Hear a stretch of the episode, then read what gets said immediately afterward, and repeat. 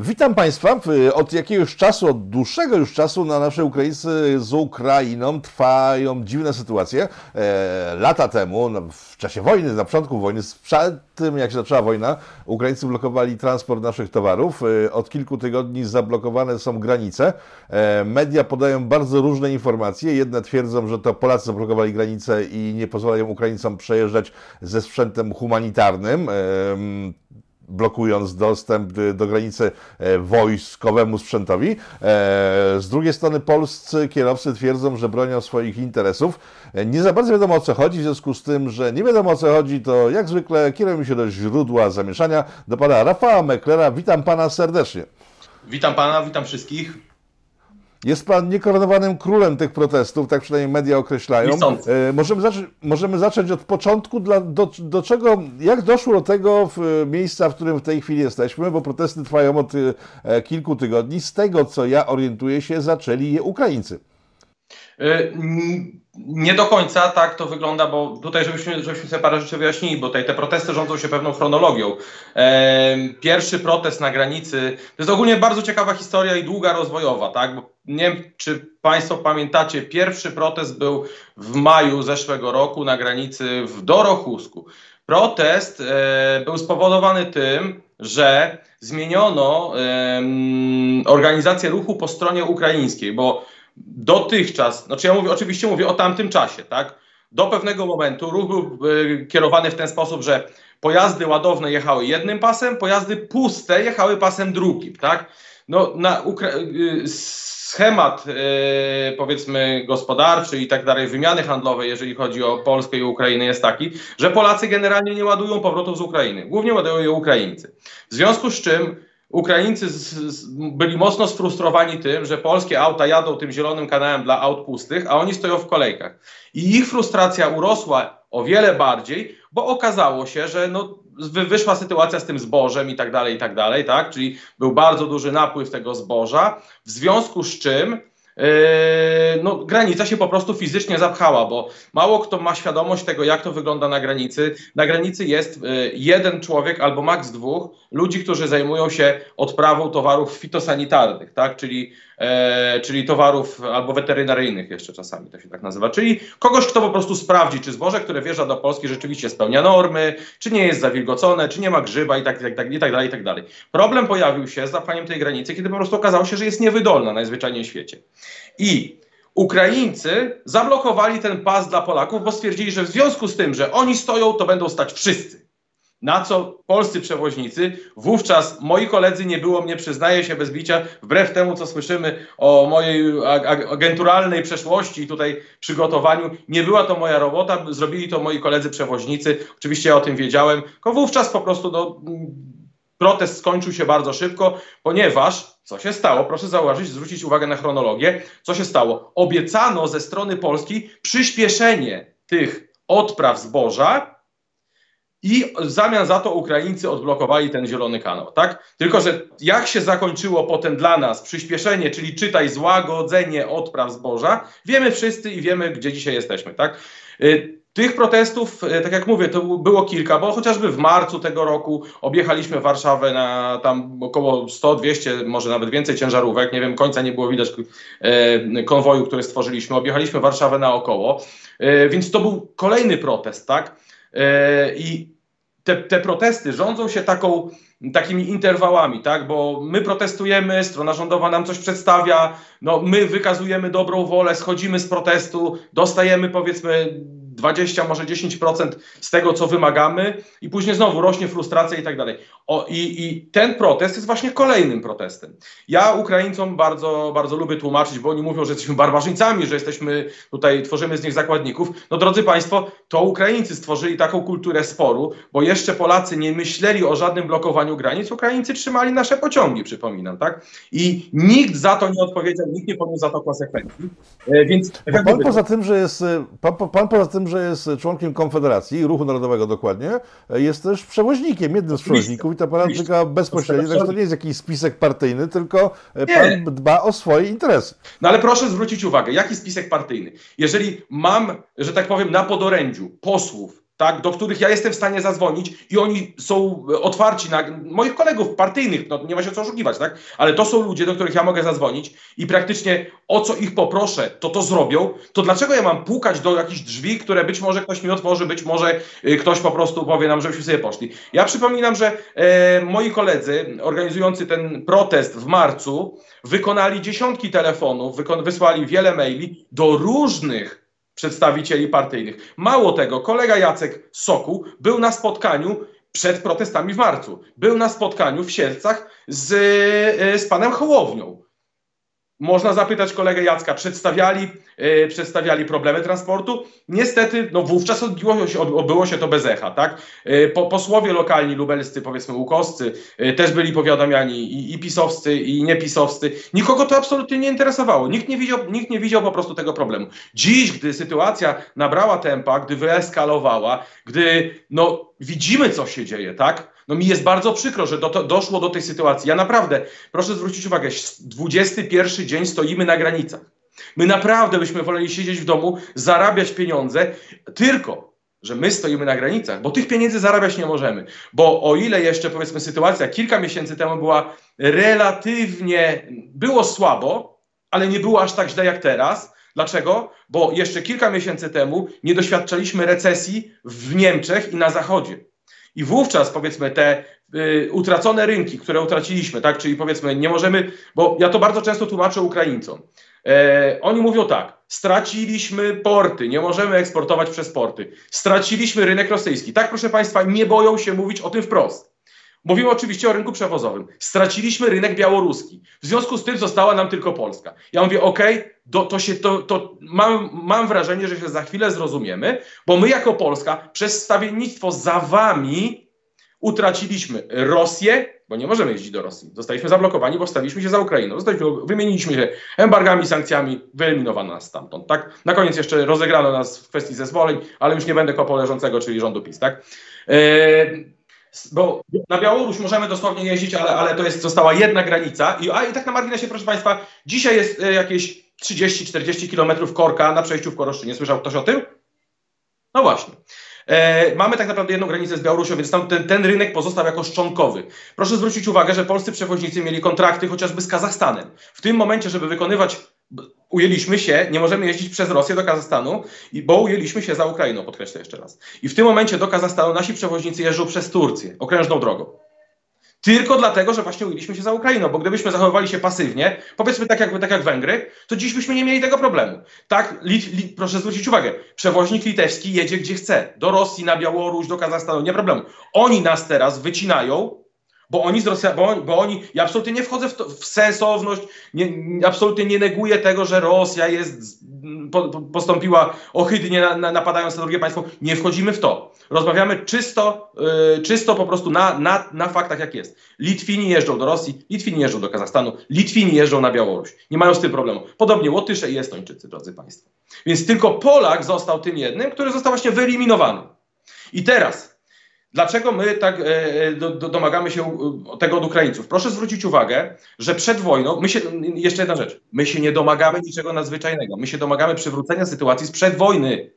Zasad, które były sprzed wojną, czyli żadnej elektronicznej kolejki po ich stronie i przywrócenia systemu zezwoleń. Uważam, że biorąc pod uwagę sytuację transportu polskiego obecnie, biorąc pod uwagę to, że mamy recesję w gospodarce niemieckiej, która jest bardzo mocno powiązana z gospodarką polską, a proszę, podkreślam, że transport operuje na wymianie handlowej. Brak wymiany handlowej równa się brak transportu, brak transportu, brak wykonywanej pracy równa się brak pieniędzy na wypłaty, brak pieniędzy na leasingi, zamknięcie firmy. I teraz dlaczego my, dlaczego my akurat do Ukrainy o, o to uderzamy? Drodzy Państwo, przed wojną Ukraina wykonywała 160 tysięcy przewozów. Ukraińców. W tym momencie liczba przewozów jest około miliona. Więc widzimy, że jest tutaj skokowy wzrost bardzo dużo. Ja rozumiem, że można powiedzieć, że ok, ciężarówki z Rosji, z Białorusi nie pojechały. Dobrze, ale to nadal jest bardzo dużo. Polska przed wojną też wykony, wykonywała na Ukrainę około 100 tysięcy przewozów. Więc my nie, nie ile, teraz, ile wykonuje teraz? Słucham? Ile teraz Polska wykonuje w tych przewozów? 5,7%.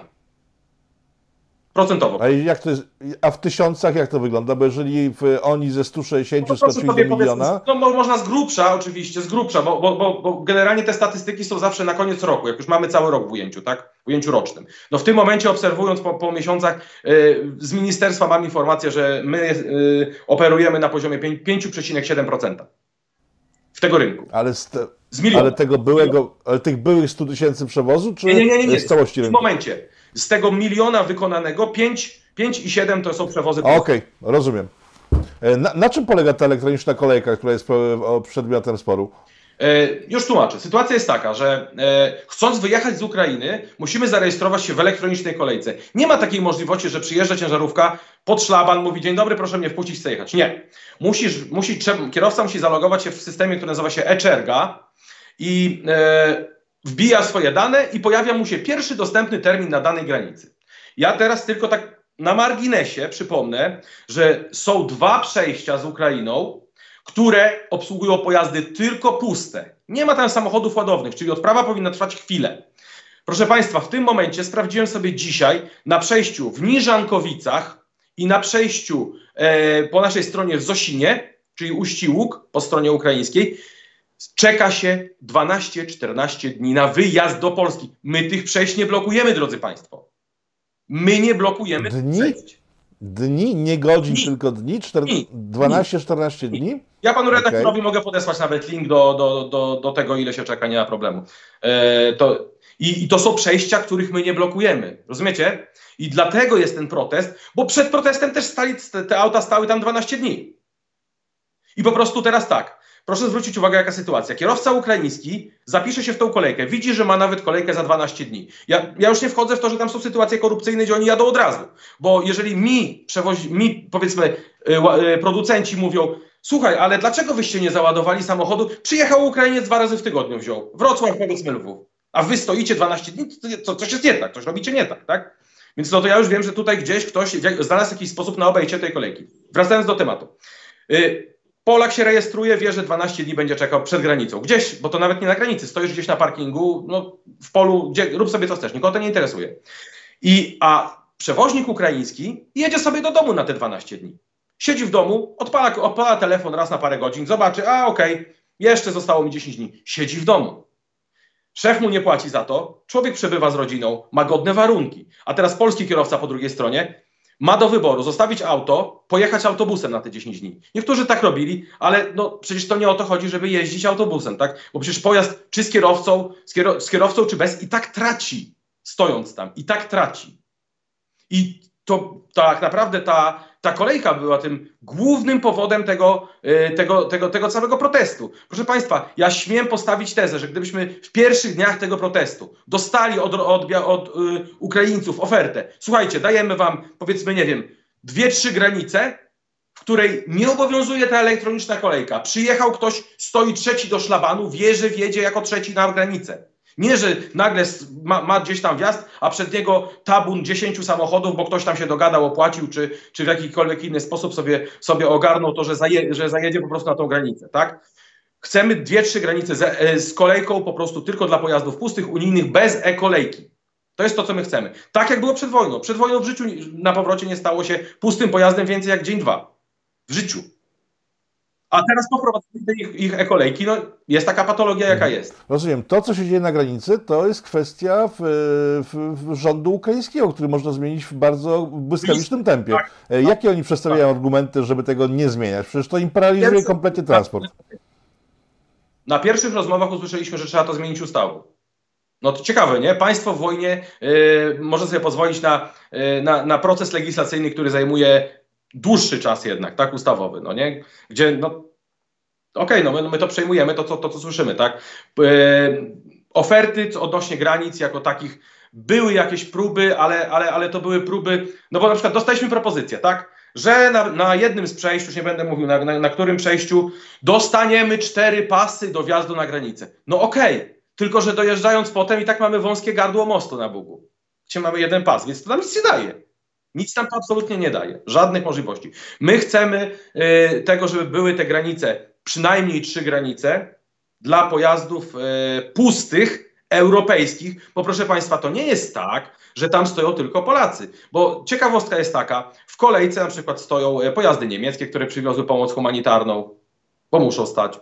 W, kolejce, w kolejkach stoją różne inne pojazdy. Tak jak dzisiaj e, kolega Piotr Lisiecki, który jest e, specjalistą z branży drobiarskiej, mówił, że e, 12 dni właśnie stoi, e, stoją samochody z kurczakami, e, na, na powrocie oczywiście, tak? W tamtą stronę jadą dwa dni z, z, młodymi kurczakami jednodniowymi, które powinny dojechać naraz, a przez, przez, przez powiedzmy perypetie jadą tam dzień, dwa, bo, bo na granicy, bo, oczywiście my puszczamy takie pojazdy, to, to, to żeby, żebyście Państwo to wiedzieli. My puszczamy bez kolejki przewozy humanitarne, militarne i zależnie od tego, jakie jest natężenie, ale generalnie jedzie też, jedzie też paliwo bokiem. Także żebyście mieli tego świadomość, bo tu propaganda oczywiście próbuje z nas zrobić bandytów i tak dalej, że my, my przewozów humanitarnych nie, nie puszczamy. Proszę Państwa, my się spotkaliśmy z sytuacją, gdzie e, przewozem humanitarnym były konstrukcje stalowe na przykład.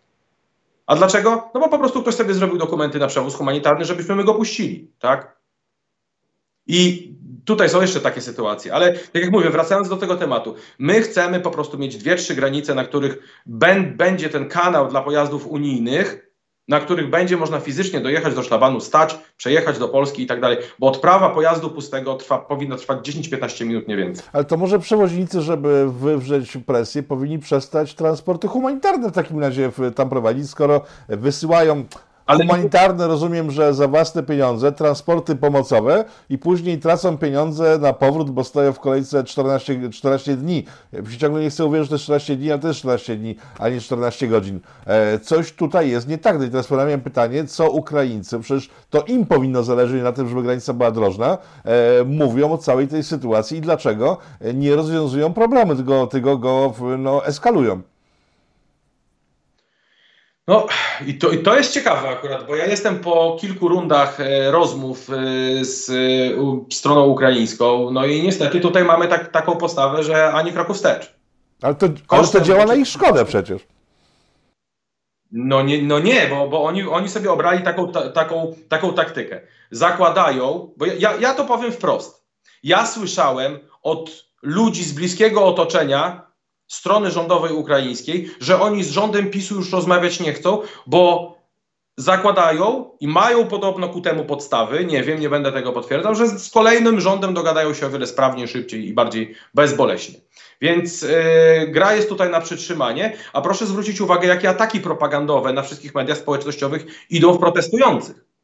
Bo ja, ja, ja potrafię przeczytać, że w ogóle tutaj y, opinie jakichś specjalistów od transportu, którzy piszą, że w ogóle tutaj nie ma podstaw ekonomicznych do tego, że tu się nic nie dzieje, Ukraińcy nam nic nie robią. Proszę Państwa, przed samym protestem na tych dwóch przejściach dla pojazdów e, ciężarowych stało 2600 ukraińskich pustych samochodów. Zadajmy sobie teraz pytanie, czy Ukrainiec, czy każdy z tych 2600 samochodów wjedzie do Polski i pojedzie na pusto do Niemiec? Czy wjedzie do Polski i pojedzie na pusto do Francji? No przecież wiemy, że nie. No bo tu się pojawia następny temat, który jest przez Was podnoszony, czyli że firmy ukraińskie w nielegalny sposób de facto, albo no, nie stosując się do europejskich e, legislacji, zarabiają pieniądze kosztem polskich przewoźników, tak? Ale, ale, proszę pana, nikt od nich tych legislacji nie będzie w stanie nawet egzekwować, bo proszę zwrócić uwagę, że mamy chociażby pakiet mobilności. Ja pamiętam taką historię sprzed kilku lat, kiedy przewoźnik z Lublina e, został zatrzymany we Francji e, i nie był w stanie udowodnić, że m, mm, ponosi koszta pracy, bo tak naprawdę w pakiecie mobilności chodziło o podniesienie kosztów pracy, nic więcej, żeby, żeby wyrównać szanse, tak? No okej, okay, no jesteśmy w Unii Europejskiej. Ja, ja, nie wchodzę w to, powiedzmy, bo, bo tutaj gdyby tworzyć jakąś taką, mm, e, jakieś takie porównanie, powiedzmy tego, ile Polska dała gospodarce niemieckiej, a ile gospodarka niemiecka czy francuska dała Polskiej udostępniając kawałek transportu, okej, okay, nie wchodzimy w to, bo to nie, nie jest przedmiotem tematu, nie, nie jest przedmiotem tej rozmowy. E, pamiętam taką sytuację, że przewoźnik z Lublina miał sytuację, że policja francuska zapytała w ZUS, prokuratura francuska, przepraszam, prokuratura już było na poziomie prokuratury, prokuratura francuska zapytała w ZUSie e, w Lublinie, e, zapytała ZUS lubelski, czy ZUS lubelski zapłacił, czy, czy, dany podatnik za tego i tego człowieka zapłacił e, wszystkie, wszystkie te składki związane z, chyba nawet było jeszcze wówczas Louis Macron. Także tutaj my możemy to sprawdzić. A teraz proszę mi powiedzieć, w jaki sposób pan sprawdzi, czy na Ukrainie za, za kierowcę został zapłacony ZUS? No kto udzieli informacji? No, no bądźmy poważni. Czy ma ubezpieczenie i No inne bądźmy. rzeczy. Nie mówię o ubezpieczeniu transportu i Tak. samochodu, tylko on sam.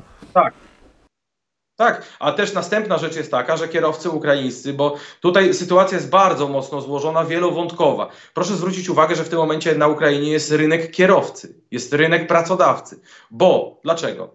E, Kierowca ukraiński, oczywiście pomijam sytuację z łapówkami, może wyjechać z Ukrainy tylko w trzech wypadkach. Choroba psychiczna, troje dzieci na utrzymaniu na Ukrainie lub 60, skończone 60 lat. I to są ludzie, którzy mogą wyjechać z Ukrainy do pracy. Wszyscy pozostali nie mogą wyjechać z Ukrainy, a praca kierowcy jest powiedzmy postrzegana jako praca w sektorze strategicznym, która powiedzmy, że gwarantuje w jakiś sposób to, że nie zostaniesz odesłany na front. W związku z czym e, firmy ukraińskie mają teraz nadmiar kierowców i skutkuje to tym, że to oni dyktują cenę, za jaką będą kierowcy pracować. Ja mam ponag- ja, my ma, mamy, mamy nagrania, gdzie rozmawialiśmy z kierowcami i średnia zarobków tych kierowców ukraińskich w tym momencie oscyluje w okolicach 1000 euro. 700, 1000, 1200 to są wszystkie pieniądze. Podczas gdy e, kierowca polski e, powiedzmy kosztuje firmę około 3000 euro miesięcznie. No to czym rozmawiam? Jak mamy z tymi ludźmi konkurować? Z ludźmi, którzy, wie pan, nie mają, e, nie są związani w ogóle pakietem mobilności, wszystkimi tymi opłatami, które, są, które dyktuje pakiet mobilności. Nie mają polskiego ładu, bo to też jest szalenie istotne. Zwróćmy uwagę, 9% składki zdrowotnej, która jest tak naprawdę podatkiem, a nawet nie jest kosztem. My na przykład mamy jeszcze, to o tym mało się mówi, e, mamy, mamy na przykład podatek od środków transportu, gdzie powiedzmy około 1000 euro kosztuje ciągnik siodłowy, plus minus i 500 euro naczepa rocznie. To też są koszty, które trzeba gdzieś tam zamortyzować w czasie, tak? Strona ukraińska tego absolutnie nie ma. I tutaj chodzi o to. y, y, Ja, ja rozmawiałem z przewoźnikami ukraińskimi. 120 dolarów koszt ZUS-u na pracownika.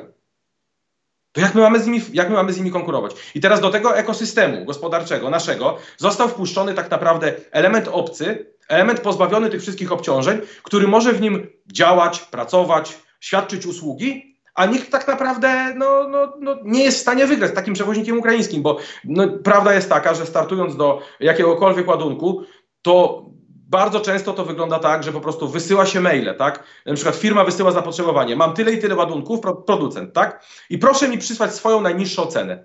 To ja gwarantuję, że, że przewoźnicy ukraińscy pojadą za tą najniższą cenę, niż, ni, ma, mają ten bufor marży, poniżej którego oni mogą zejść, a poniżej którego Polak w życiu nie zejdzie, bo ma obciążenia stałe.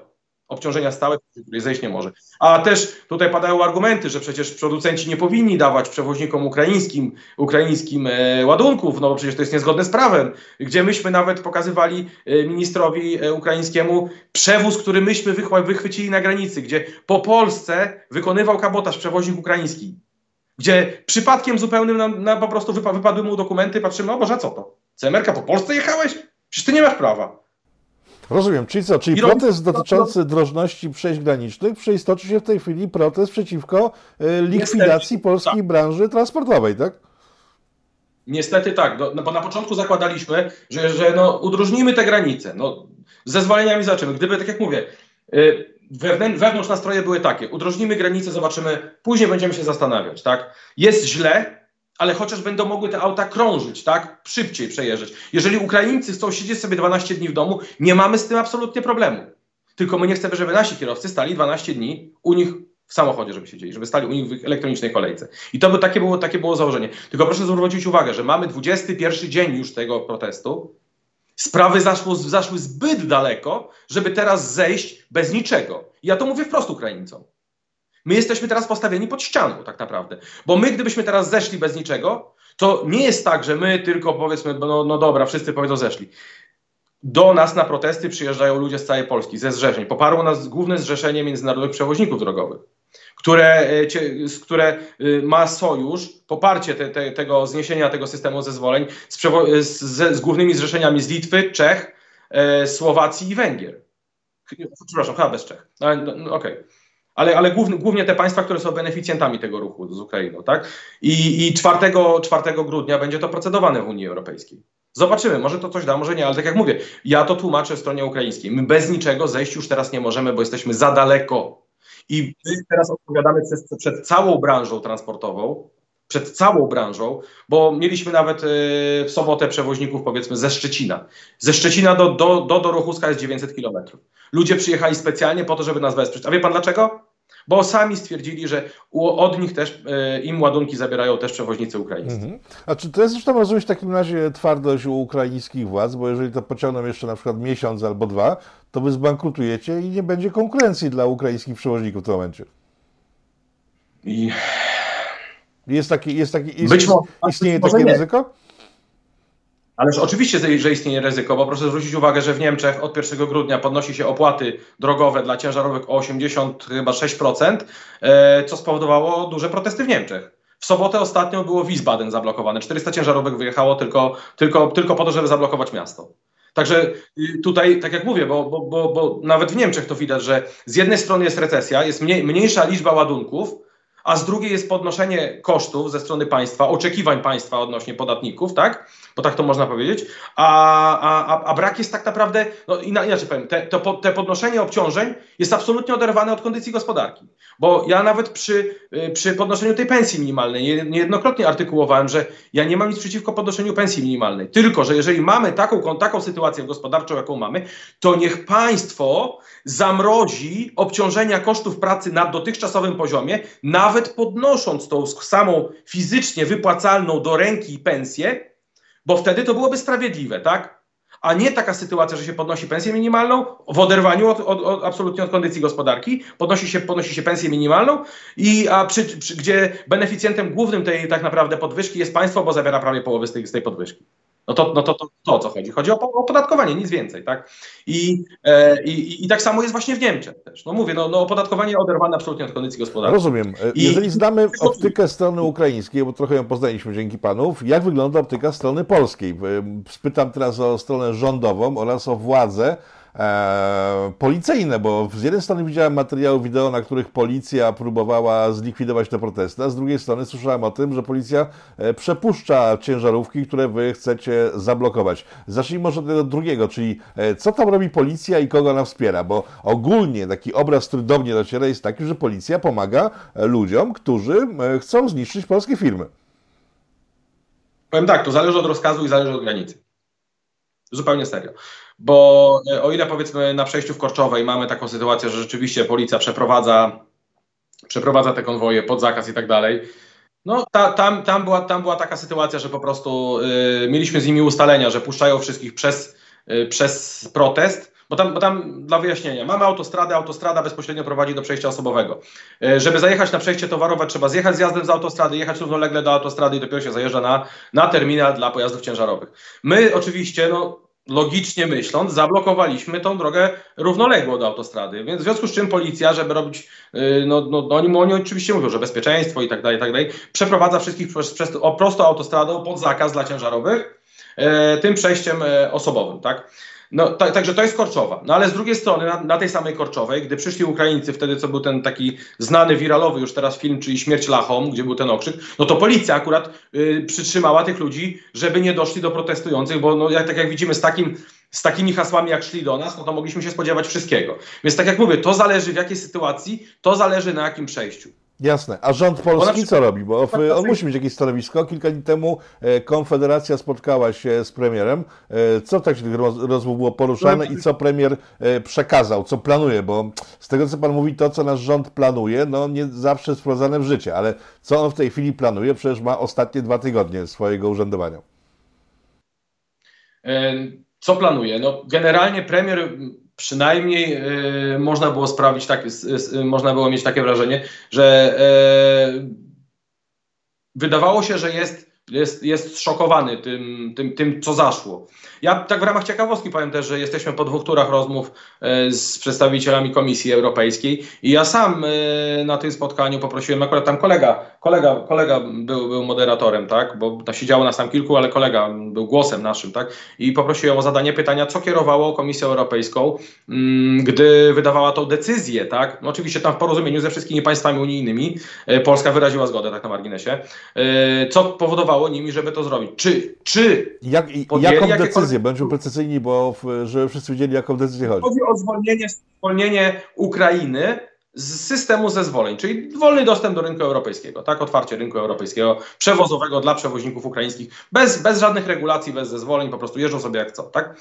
E, I e, co powod, zapytałem, co powodowało nimi, czy, czy były podejmowane jakieś analizy, czy ktoś się zastanowił nad kosztami.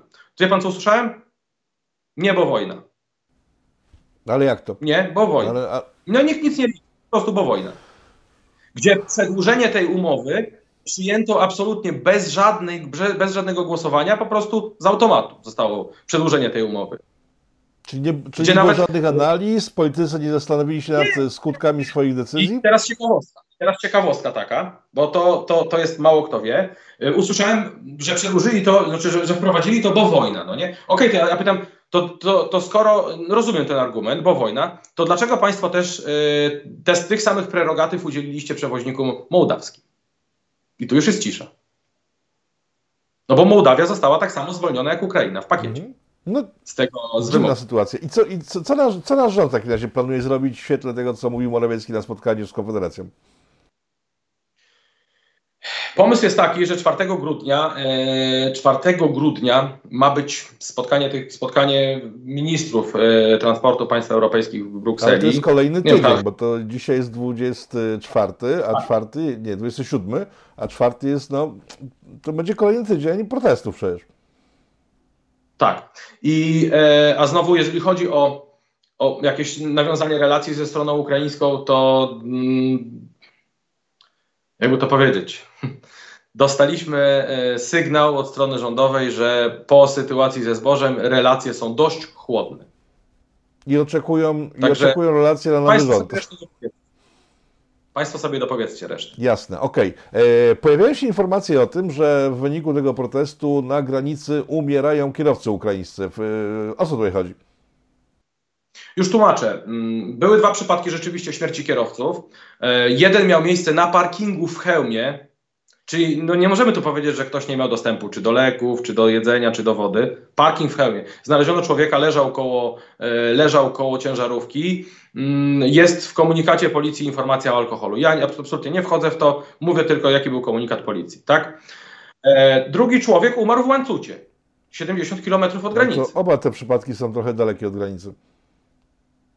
No, hełm jest relatywnie blisko, bo kolejka powiedzmy sięga przed hełm, do hełma sięga kolejka. Tylko no, na marginesie, y, na, na, przejściu w Dorochusku kolejka do hełma nie jest, nie jest generalnie niczym nadzwyczajnym. Tak na marginesie. Yy, bo, no, bo, no, bo, no bo bywają takie kolejki nawet bez żadnych protestów. Yy, więc no tutaj oczywiście jesteśmy wiązani z tym, no bo mówi się, że ktoś miał stres i tak dalej. No ja absolutnie w to nie wątpię, tylko proszę Państwa, ja sądzę, że tutaj sprawiedliwe chyba by było, też powiedzieć, że bardzo często przewoźnicy ukraińscy potrafią stać tydzień albo dwa gdzieś w Europie, czekać na załadunek. Jeżeli ktoś wtedy umrze, to kto jest winny? Ja przypomnę także, że w 2020, w 2020 roku po stronie ukraińskiej, czyli na, na, do Rochus Jagodin, po, e, też umarł kierowca w kolejce. No kto, to kto był wtedy?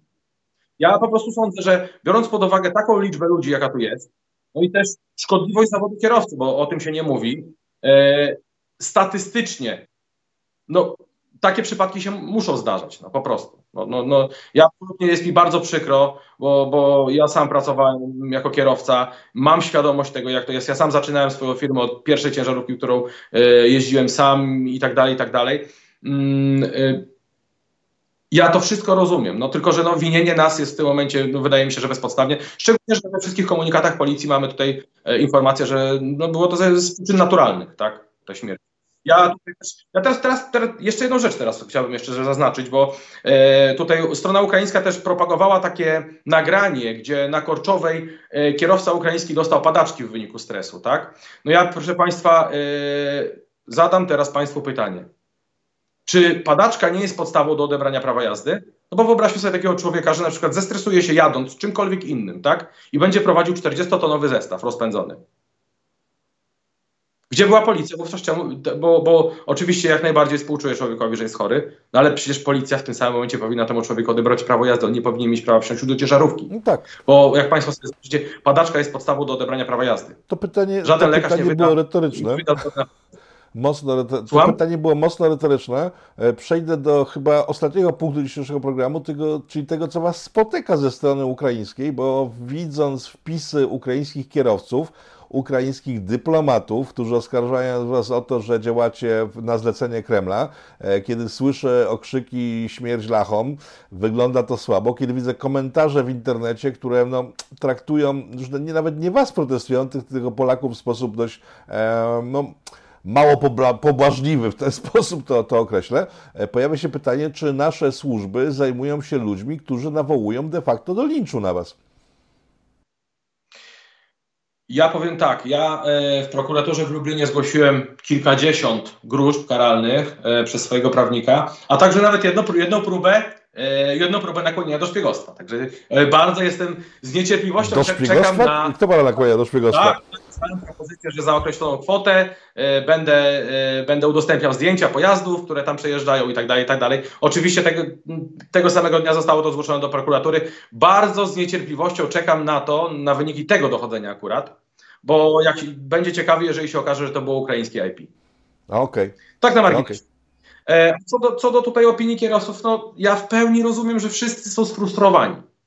Tylko proszę zwrócić uwagę, że my też stoimy 21 dzień na tej drodze. I my nie siedzimy w kabinie, gdzie mamy ogrzewanie postojowe, tylko musimy stać całymi dniami na zewnątrz, bo gdybyśmy się pochowali gdzieś tam po jakichś samochodach, po naczepach i, i siedzieli gdzieś, koczowali w kempingach, to te, te, te, te pojazdy by jechały tak po prostu. Protest nie miałby wówczas żadnego sensu. Więc my musimy sprawdzać, czy rzeczywiście jedzie przewóz humanitarny, czy rzeczywiście jest to przewóz militarny, czy, czy, czy, czy, czy, czy jedzie powiedzmy towary szybko psujące się także jeżdżą. Czy rzeczywiście jest to tego typu, tego typu e, przewóz? Mało tego, wczoraj wrzuciłem na swojego Twittera, polecam, X tak zwanego dziś, e, wrzuciłem film, gdzie nagraliśmy mm, film, gdzie zapytaliśmy kierowców beczek, czyli wozących gaz albo paliwo na Ukrainę, E, ile dni stali w kolejce. No i okazywało się, że stali dzień, dwa, tam jeden, trzy, ale to ten trzy tam czy cztery, bo mówi, że pauzę robił, coś tam potrzebował. I się okazało, że ich zatrzymali ich właśnie koledzy gdzieś w połowie kolejki, bo oni sobie regulują, bo nie chcą, żeby ładunki, oni wiozący ładunki komercyjne żeby musieli stać w kolejce, a żeby jechały powiedzmy beczki bokiem, tak? Oni sobie tam jeszcze między sobą regulują tą kolejkę, tak że to oni nie puszczają swoich pojazdów, co jest udowodnione nagraniem na, u mnie na, na, na Mówi pan o Ukraińcach, którzy nie wypuszczają samochodów od siebie. Tak. Ukraińcy po polskiej stronie regulują okay. sami kolejkę. Widzę, że nie, nie, nie puszczają pojazdów, które my... Nie, nie dopuszczając ich do nas, do blokady. O, tak. Widzę, że tam niezły bardak panuje. E, 21 dzień, pierwsze rozmowy. Pan uważa, pierwsze rozmowy. Pan uważa, Słucham? Pan uważa z rusytyzmami. A to, to bardak to, to, nie nasz, to nie nasz wyraz. Nie, to jest rusytyzm. To jest rusytyzm. No więc nawiązując do Bardaku, Bardak e, trwa już 21 dzień, najnowsza odsłona Bardaku, bo jak Państwo na samym początku programu, e, to się ciągnie od dobrych paru lat. Najbliższe spotkanie wyjaśniające sytuację za blisko tydzień i do tego czasu raczej nic się nie zmieni, dalej będzie stali i e, ten konflikt będzie eskalował. Dobrze mam rozumieć. A mamy inne wyjście? Nie macie, ja tylko pytam. Wie pan, zejść z niczym, to, to, to, to, to już w tym momencie, po takim poświęceniu, gdzie wie pan, tutaj też proszę zwrócić uwagę, że my musimy, musimy wyjść z czymś, bo, mamy, bo nawet strona ukraińska ma listę firm, które mają zakaz wjazdu na Ukrainę. To nie może być tak, że oni sobie wybierają, kto może do nich wjechać, to nie. Rozumiem, że, ja, rozumiem, że wszystkie firmy, z, które stoją i blokują, są na tej liście. Tak, no ta, tam oczywiście są pomylone firmy, no bo oni nie do końca powiedzmy są w stanie wyłapać, że ktoś może mieć takie samo, samo imię i nazwisko, mieszkać powiedzmy w podobnej okolicy i też mieć firmę transportową, więc tam jest parę nietrafionych firm. Co ciekawe, e, poseł Witold Tumanowicz tam jest dopisany, nie wiem dlaczego, chyba po prostu padło na niego. Może przemycał uran e, któregoś e, razu i został na listach. Nie mam pojęcia. Nie, bo, nie po prostu by, by, bywał na, na protestach do Rochusku z nami. Może dlatego ktoś go wytypował, tak? E, także my nie możemy zejść na przykład bez uzyskania gwarancji bezpieczeństwa dla tych firm. E, my, ja zostałem wpisany na tą stronę Mirotworec, tak? Gdzie, e, gdzie są wrogowie Ukrainy, którzy są przeznaczeni, że tak powiem, do odstrzału, nie wiem jakby to nazwać, tak? Także e, no jest trochę rzeczy, które się nazbierało, bez których zejść nie można, a które będziemy musieli się po prostu z, niejako przy negocjacjach też dołączyć. Ja e, na marginesie jeszcze, jeszcze dopowiem, że są z nami na przykład, przy, przy, stoją z nami na granicach przetwórcy, bo był taki e, znany, znany ukraiński biznesmen, oligarcha Taras Barszczowski, który około 100 firm polskich e, no, przekręcił, mówiąc brzydko, na, na naprawdę na setki tysięcy złotych, niektórych nawet na miliony. I absolutnie jest, wysta- wys- wy- jest za nim wystawiony list gończy. E, I człowiek ten obecnie z Ukrainy operuje, e, sprzedaje koncentraty owocowe, wysyła jego cysterny, jeżdżą przez granicę. Oczywiście przez Polskę już nie jeżdżą, bo zadbaliśmy o to, żeby nie jeździły, ale widziałem osobiście, będąc na Słowacji, na granicy słowacko-ukraińskiej, w Wyżnym Niemieckiem, właśnie jego cysterny, tak. Także tutaj jest kilka tematów do ubrania. Ja, ja sądzę, że gdybyś, że jeżeli postoimy jeszcze dłużej, to podbijemy stawkę i poprosimy też o ekshumację, no bo już załatwmy wszystko jednym, jednym No, razem. wczoraj jedna z polityczek e, związanych z Konfederacją zażądała Lwowa, ale to już są, myślę, w daleko idące pomysły, które niczego nie, no, niczego nie to, rozwiążą. To, to, to akurat znam, znam, to, znam, znam tą sytuację i chodziło po prostu o amplifikację pewnego, pewnego sposobu myślenia. Tak? Jasne. Dobrze. Mam nadzieję, że przed końcem protestu nie zareagują służby porządkowe polskie, bo to byłby już kompletny mindfuck, gdyby jeszcze policja polska rozpędzała, Tak, rozpędzała polskich kierowców. E, dziękuję panu za spotkanie. Rafał Meckler, e, Konfederacja, Ruch Narodowy, e, zarządzający chaosem na ukraińskiej granicy spowodowanym Współzarządzający, żeby nie było, bo naprawdę nie jestem generałem dywizji, nie, nie rządzę tutaj żadnymi ludźmi, po prostu pracujemy jako grupa. Jaka skromność, bardzo dobrze. E, Nie będę powtarzał w takim razie wiadomości mainstreamowych mediów. Współzarządzający e, protestami przeciw polityce ukraińskiej na naszej granicy wschodniej. Dziękuję panu bardzo za uwagę, a państwu za obejrzenie tego materiału. Dziękuję bardzo, pozdrawiam wszystkich.